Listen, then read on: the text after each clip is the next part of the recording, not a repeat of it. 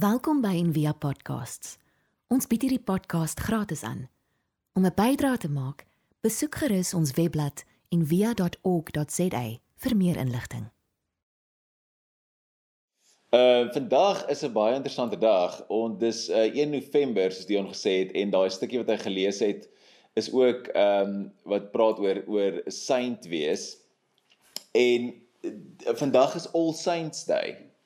En gister was Reformasiedag en ook Halloween. So so hierdie hierdie hele naweek vir hele 2 dae gaan oor om om terug te kyk oor dit wat gebeur het, om mense te onthou wat nie meer hier is nie. Kyk Halloween vat dit natuurlik nou bietjie na 'n ander level toe, maar ehm um, All Saints Day gaan oor om te dink oor en stories te vertel van mense wat agter Jesus aangeloop het. Mense wat lief was vir hom en uh, om bietjie te dink oor dit en dat toe te laat dat daai stories mens mens inspireer en om om deur dit en as gevolg van dit en ek te kan te kan leef. So die teks wat ons vandag lees hier op All Saints Day of ehm um, so of Reformatie Sondag is Joshua 3. En Joshua 3 is 'n vreemde storie en dit val so half vreemd op die oor en ons tema is so is vandag hoe kon ek jou ooit misgekyk het? En ons het hierdie buitengewone storie vir 'n gewone wêreld. Ons praat oor hoe is God teenwoordig in ons gewone wêreld en wat kan ons leer uit hierdie uit hierdie ehm um, buitengewone stories. Ek gaan ons die storie lees En dan ek wil hê jy moet jouself so klein bietjie inleef in dit en onthou er is iets wat jy dalk laas op Sondagskool of lank terug gehoor het of gelees het. Maar ehm um, kom ek lees dit vir ons en dan praat ons en dan praat ons net saam. Ek net eers voor ons begin, ek net vir ons die kers aansteek voor ons die ehm um, voor ons die teks lees. Net as 'n herinnering vir God se teenwoordigheid waar ook al jy is.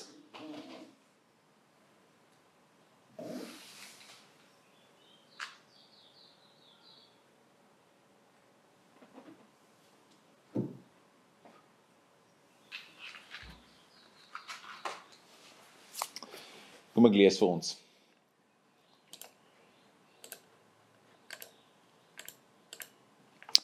Toe sê die Here vir Joshua: "Wat ek vandag gaan doen, sal maak dat al die mense na jou sal opsien as 'n groot leier.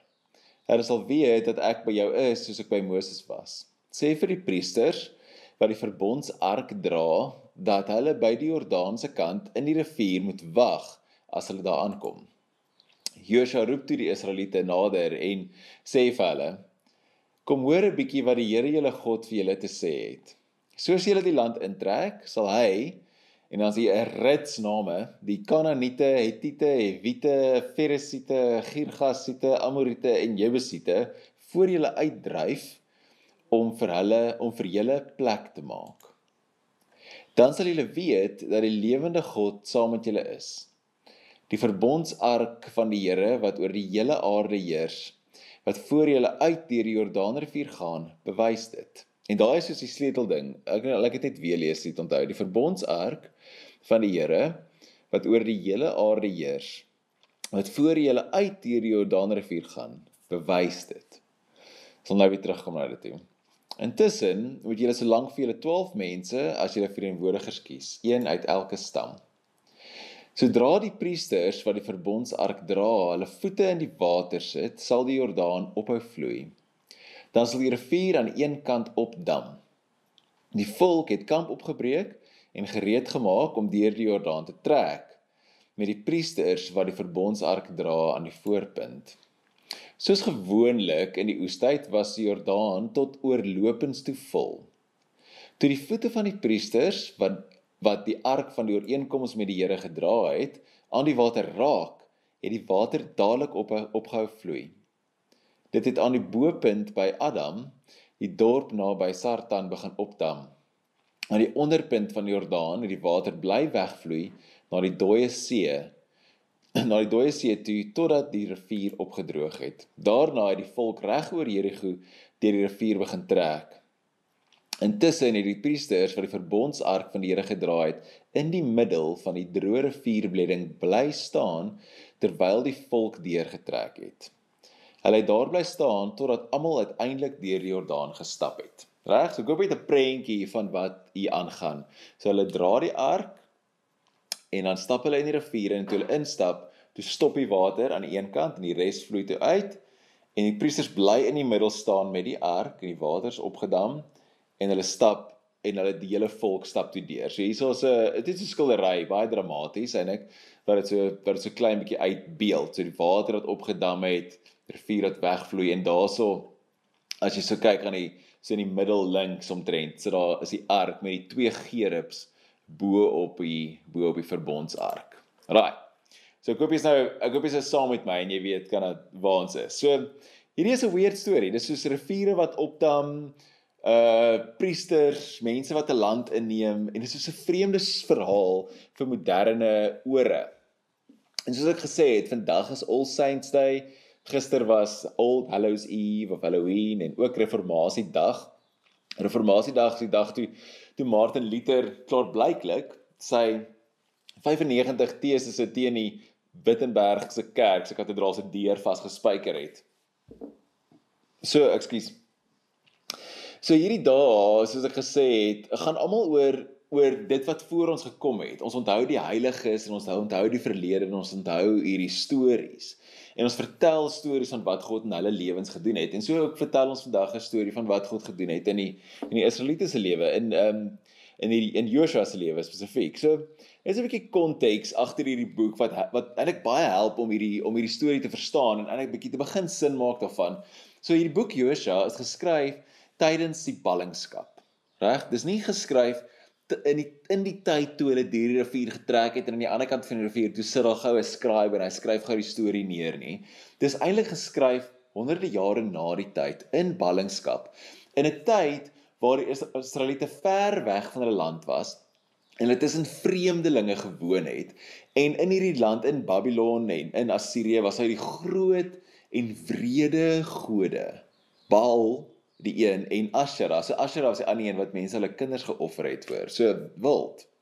So en dit was 'n tyd van swaar kry en ontwrigting. En as dit so dit klink bekend, ontwrigting vir die verbondsvolk, vir hierdie volk van die Here. En 'n tyd van selfondersoek. Hulle vra vra soos waar is God? Weet, wie is ons? Hoekom gebeur hierdie met ons? Soos het ons nog 'n toekoms? So hierdie hele ballingskap het 'n identiteitskrisis veroorsaak. So hierdie verhaal dien 'n baie spesifieke doel. Dis nie net 'n historiese verhaal net die feite wat opgeteken is nie. Dit is baie meer as dit. Dit dien die doel om hulle te herinner aan hulle herkoms, aan wie hulle is en dat God steeds by hulle is. Reg nou, nou net so op die kantlyn, het gehoor daar in die stukkie teks ons gelees het, daar's 'n klomp name, al die Jewite, Hittite, Gerasiete en al, al die ite wat jy aan kan dink. So en dit is vir ons baie keer vreemd om dit te lees want hierdie mense het in die land gebly en toe kom die Israeliete en hierdie mense is uitgedryf weet toe nou weg en vermoor of uitgedryf en alles en dis vir ons soos wild om om te verteer as postmoderne mense. So en die belangrike daarvan is om te onthou dit is konteks. Soos konteks, konteks, konteks. In die ou nabye ooste het 'n land sy mag getoon deur 'n ander land gewelddadig oor te neem en sy inwoners as slawe weg te voer en dan die hele land te verwoes.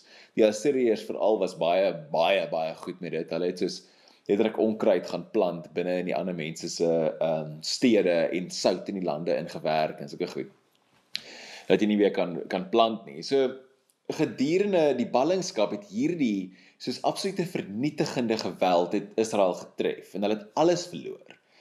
En so hierdie verhaal wys dat dat Yahweh dat die God van die Israeliete vir hulle veg. En dis baie belangrik in die teks. God gaan die hele tyd voor hulle uit. En die woord gee kom die hele tyd in Josua voor. So God gee die land. Hy doen dit. Hy is die een wat vir hulle sorg vir die plek gee. So hy gaan voor hulle uit en hy gee die land vir hulle. So dit was 'n dit was 'n gewelddadige wêreld, 'n violent wêreld en dit is die manier hoe hulle op soos hierdie stadium in die geskiedenis ook nodig gehad het om God te verstaan. En teen die tyd van die Nuwe Testament, dan sien ons 'n heel ander, nie net ek sê 'n ander prentjie nie, maar 'n voller prentjie van wie God is in Jesus. En baie gesê in hakkies, Jesus kon ook 'n sweep uitdruk as dit nodig was. So was nog steeds deel van dit, nê. Nee? Sowel so hierdie verhaal funksioneer soos 'n 'n mite of 'n myth. Nou 'n mite en let wel voor weet iemand 'n e-mail stuur is soos 'n mite beteken nie dis nie waar nie of nie feitelik nie. Dis gebus gewoonlik soos 'n mengsel van die twee. Soos byvoorbeeld die storie van Martin Luther wat hy die 95 teses vasgespijker het daar teen die teen die kathedraal se deur. Die kans dat dit gebeur het is eintlik baie skraal. Daar's net soos een verwysing daarna. Dit is nie 10 teen 1 het hy dit net gepos en net gestuur. Hy het dit nie gaan vasspyker nie, maar dit maak 'n baie beter storie om te sê hy het dit vasgespyker. En dis kan of wat 'n wat 'n mite is en hoe dit funksioneer. Dis 'n dis soos 'n 'n 'n 'n grounding narrative. 'n narratief, 'n storie wat jou aard, wat dat wat vir jou sê wie jy is. Dit gee jou iets om op te staan. Soos byvoorbeeld in Afrikaner kultuur is die die groot trek funksioneer as so 'n verhaal wat mense baie keer dit sal gebruik as 'n tipe mite. Nou nie dat die groot kerk nie gebeur het nie, maar dit het dalk op 'n klein ander manier gebeur as wat die stories vertel. So dit gee ons iets om te staan. En dis dis verskriklik belangrik in 'n samelewing om sulke groot stories te hê, sulke sulke grounding narratives. Die een skrywer het gesê, uh ons samelewing deesdae, nie of in die 20ste eeu ten minste, Um, we have replaced all myth with facts and hence lost all meaning. So met ander woorde, ons het al ons mites uitgegooi omdat dit nie heeltemal histories korrek is nie en dit vervang met feite en toe verloor ons alle betekenis. Dan is nie meer grond om te staan nie. So sulke sulke hoog simboliese verhaal, verhale leer ons meer as net geskiedenis. Dit vertel ons iets oor die situasie. Dit vertel ons oor wie ons is, oor ons doodgewone lewens vandag. Reg? So die simboliek in die verhaal.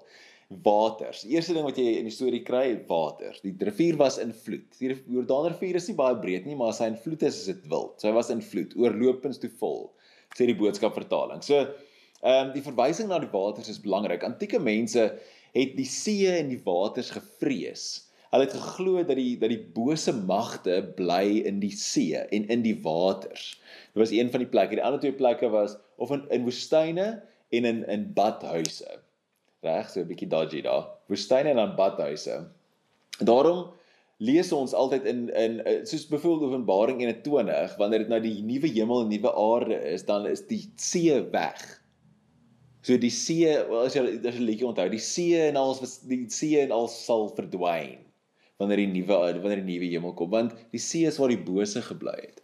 So dis so simbolies van dit. En dan in in Josua 3 dan sien ons dat God stop die waters en hy keer dit af soos 'n muur. En daarmee wys hy sy mag oor die bose. Dit herinner natuurlik aan Genesis 1 waar God se gees oor die waters, die diepte en dis eintlik so 'n verskeidelde verwysing na 'n Babiloniese god Tiamat is haar naam is ook the deep of die diepte. Maar God se gees het oor daai waters gesweef. Hy het nie eens nodig om dit te stoei nie want dit dit hy is God, reg? En dan ook so Eksodus 14, natuurlik die rooi see wat oopgegaan het en dan waar God die waters gebruik het om sy volk te red. Dan dis die een ding, waters. Reg? So God hou die waters terug. Dan die tweede ding, die ark. Die ark is 'n tipe kus gewees. Ehm um, amper so lank soos 'n mens, al bietjie korter en het twee gerubs opgehaat. Nou gerubs is hierdie dis moeilik om te verduidelik, maar hulle dis soos dis soos engel rugge figure. Dis nie mense nie. Ons dink baie keer as ons dink aan 'n engel dan dink jy aan dit soos 'n weet 'n iemand met so lang wit jurk aan en dan twee vlerke. Maar gerubs was amper hierdie hierdie composite animals, iets soos 'n griffin, iets soos 'n leeu met vlerke of iets soos 'n bul met vlerke en 'n mens gesig. Dis dis kan iets soos dit. So die ark was hierdie kus met goud beslaan en so en dan het hierdie twee gerubs gehad. Nou die key ding is dit die die teks leer vir ons dat God se stem wanneer God gepraat het, dan het sy sy stem gekom tussen die gerubs uit. Dis die plek. As jy nou moet luister en jy kyk waar praat hy vandaan? Hy praat tussen die twee gerubs uit in hierdie ark. So hierdie engele, die figure met die vlerke wat aan mekaar raak en dan die kus. So die die ark is die simbool van die verbond, reg? Die verbondsark, God se belofte. Ons kom nou daarby uit. Maar hier's nog ander 'n ander ander belangrike simboliek in die storie is die priesters, die leviete. So wat so opvallend is in hierdie verhaal is alles besig om 'n land in te neem, reg? So as jy besig is om 'n land in te neem, wie wat stuur jy eerste? Nê, nee, jou dominees. Dit is nie jou priesters. Dit is nee, jy stuur die soldate. Jy stuur die toes, jy stuur die tanks, jy stuur jou voorste linies, jy doen jy doen dit. Dis wat jy stuur. Of die generaal gaan vooruit wat ek al, maar nie in hierdie storie nie. Daar's die soldate eers in hierdie hele storie nie. Hulle neem 'n land in, maar dis nie 'n stryd nie. En die belangrike ding, die belangrikste ding hier is dat dis God wat voor sy volk uittrek. Walter Bruggeman, die Ou Testament teoloog, sê altyd, hy sê God lei altyd sy volk na nuwe plekke. Na plekke van vrede, van hoop en geregtigheid. En dis wat besig is om hier aan te gaan in hierdie verhaal. So terug by die ark en by die verbond. So die ark is 'n simbool van God se verbond. God se belofte dat hy vir sy mense sal sorg. Hulle sal vrymaak en vir hulle sal omgee en lief hê en sorg. So die een teoloog beskryf dit so. Hy sê dis God, die verbond is God se sorgende geregtigheid. En ek kan dit nie genoeg sê nie. Ek dink ek sê dit seker elke keer as ek preek, maar so belangrik. God se geregtigheid, sy reg doen, gaan nie oor straf en moraliteit nie. Dit gaan oor sorg, oor vrymaak Dis wat God doen wanneer hy geregtig is, reg? So en net so bietjie van 'n kantnota. Hierdie weet waaroor gaan spiritualiteit of Christendom? Ek het 'n gesprek gehad met 'n met 'n vriendin so 2 weke of so terug wat 'n ateïs is en oor oor moral, oor uh moraliteit. En eintlik die basiese die basiese argument was uh, met die mense het nie godsdiens nodig om moreel te, om moreel te wees nie. Jy kan moreel wees, ek kan moreel wees sonder dat ek godsdiens nodig het. En dit, dit gaan oor oor oor die gesprek het gaan oor moraliteit, hoe om goed en reg te leef of hoe om wat om die, om die regte ding om te doen, hè. So, maar spiritualiteit gaan oor meer as dit. Dit gaan oor oor vrymaking. Oor oor waarheid. Dit gaan oor om te ontdek wie jy veronderstel is om te wees. Wie God jou gemaak het om te wees. 'n 'n wese wat hy voor lief kan wees en wil wees, 'n 'n wese wat kan antwoord. Daai Hebreëus is so mooi, 'n nefesh, 'n siel, 'n lewende siel wat kan teruglief wees. Dis wat dit oor gaan. Dit gaan oor daai waarheid en om dit te ontdek, nie oor moraliteit nie. Moraliteit volg volg later in die storie. Maar die primêre doel van dit is nie moraliteit nie. Dis vrymaking, liefde, En dis wat die verbond is, reg om terug te kom daar. Dis wat die verbond is en dis wat die ark simboliseer. So en dan wat interessant is van die storie is die Israeliete trek nie na 'n tempel of na 'n heilige plek toe nie of 'n heilige berg toe. Hulle is nie op 'n pelgrimstog nie. God is reeds by hulle. Hier is nie sprake hier van twee wêrelde nie. Vir ons moet nou van hier af gaan tot daar waar God is nie. God is in een wêreld teenwoordig. Nou, hier's iets wat my heeltemal my kop oop blaas. So rukkie terug, so begin van die jaar het iemand dit vir my uitgewys en dit is my so so net so absoluut so groot en profound. As ons in Johannes 20, onthou nou al daai storie en al daai simboliek en al daai goed in jou kop vas vir 'n oomblik. As ons Johannes 20 lees, nê, nee, toe Maria die Magdalene, Maria Magdalena, toe sy by die graf aankom in die tuin. Jy onthou daai verhaal. Ek dink ek preek omtrent die heel meeste uit Johannes 20 uit. Maar toe Maria by die graf aankom, laat ek net vir sy teks lees. Dit sê Maria het buite die by die graf bly staan en huil. Terwyl sy huil, het sy vooroor gebuk om in die graf in te kyk. Toe sien sy twee engele met wit klere aan sit waar die liggaam van Jesus gelê het, een waar die kop en een waar die voete was. Nou hier's nou wat 'n vrek interessant is, hè. Onthou nou hier's die hier's die arkprentjie, en jy 'n arkprentjie sien daarsoop. Nou kyk 'n bietjie hier, sommer net 'n voorstelling van wat Maria Magdalena sien in haar prentjie. Twee engele en die die steen wat Jesus opgelê het en dit herinner so baie aan die ark. Reg?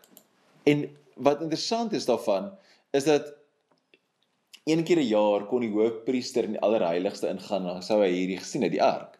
En hier gaan 'n vrou in en sy sien soos 'n voorstelling van die ark. En as ons teruggaan na Deuteronomium toe daar die vroeë teks wat sê God praat van tussen die gerubs, van tussen die engele. En wat is tussen hierdie twee engele? Is daai die plek waar Jesus gelê het? Is eintlik die leë graf? Toe Jesus is God se woord, God se teken, dit wat God sê. Jesus is wat God te sê het vir die wêreld. Jesus het self gesê, weet, die hierdie geslag vra vir 'n teken, maar die enigste teken wat jy gaan kry is die teken van Jona. Die teken van Jona verwys aan die opstanding, 3 dae binne in die vis en dan die opstanding is wat God te sê het vir die wêreld. En Jesus se laaste woorde aan sy disippels, ek is by julle.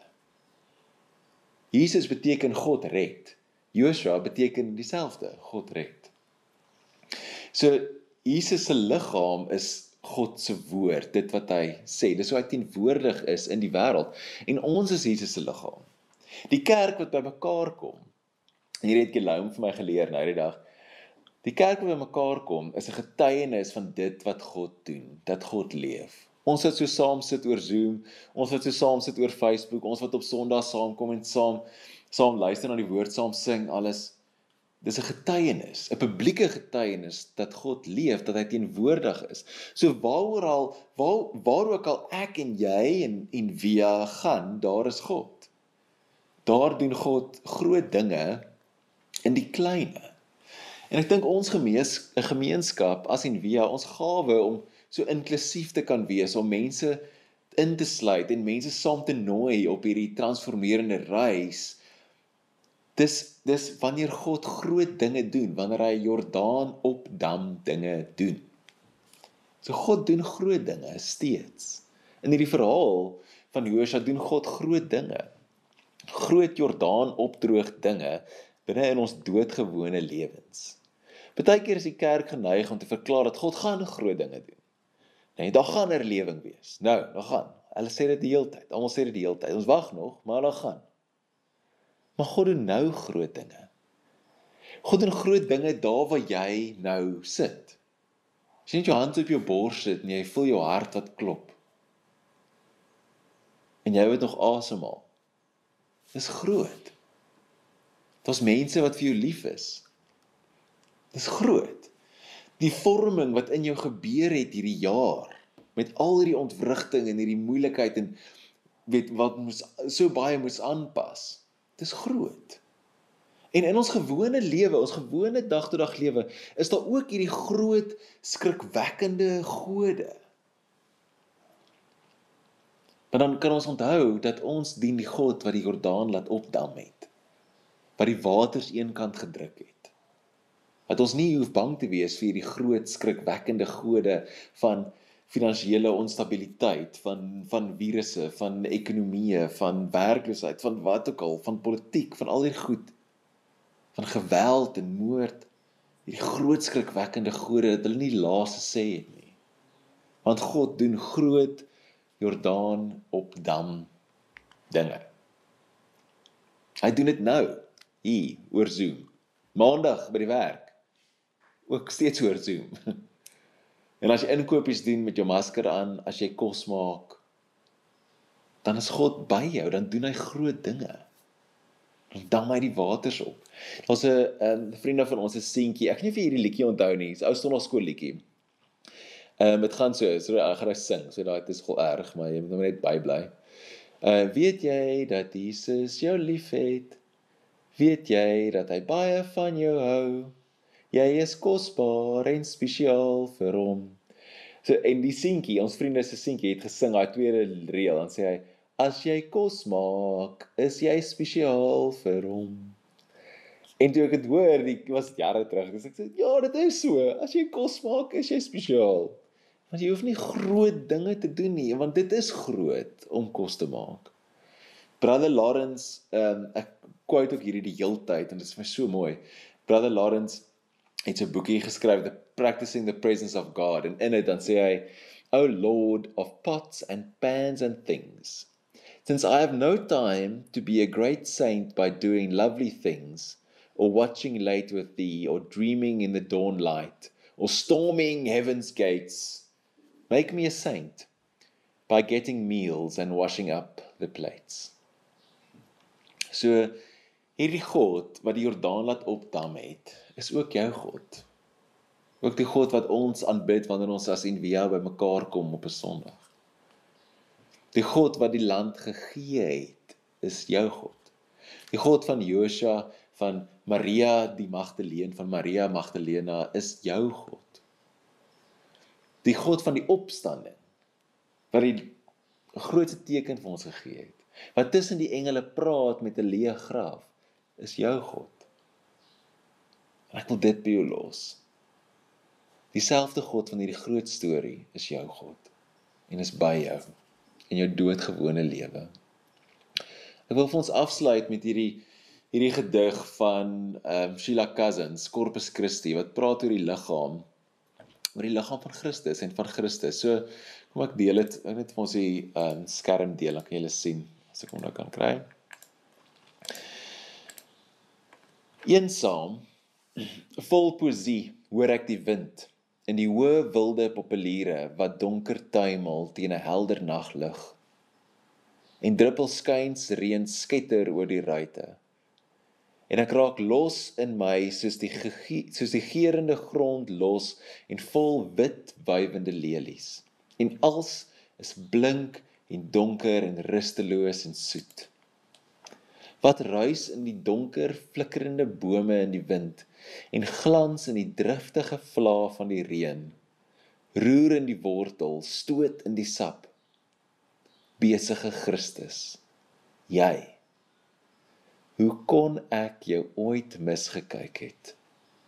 Die sin van die stuwing gemis het en so afwesig gestaar het na my. Kom ons bid saam julle.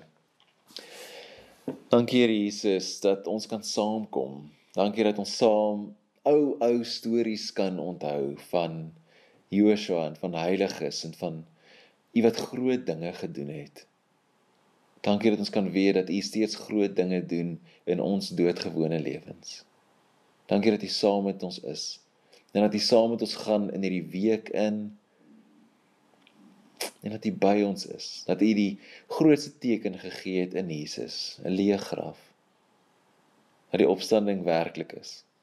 Dat die opstanding gebeur binne in elkeen van ons elke dag. Ons loof U naam. Amen. So my hande uitsteek of net so hou, dan spreek ek vir ons die seën uit. Mag jy regtig diep ervaar dat God by jou is dat hy die Jordaan riviere in jou lewe laat opdam en dat jy dat jy op 'n droë rivierbedding kan deurloop. Mag jy Jesus se opstanding binne in jou ervaar. Wanneer jy werk, wanneer jy slaap, wanneer jy in die verkeer sit, wanneer jy inkopies doen. Mag jy beleef dat God steeds groot dinge doen. In die naam van die Vader, Seun en die Heilige Gees. Gaan in vrede. Amen. Ons hoop van harte jy het hierdie podcast geniet of raadsaam gevind. Besoek gerus en via.ok.za vir meer inligting.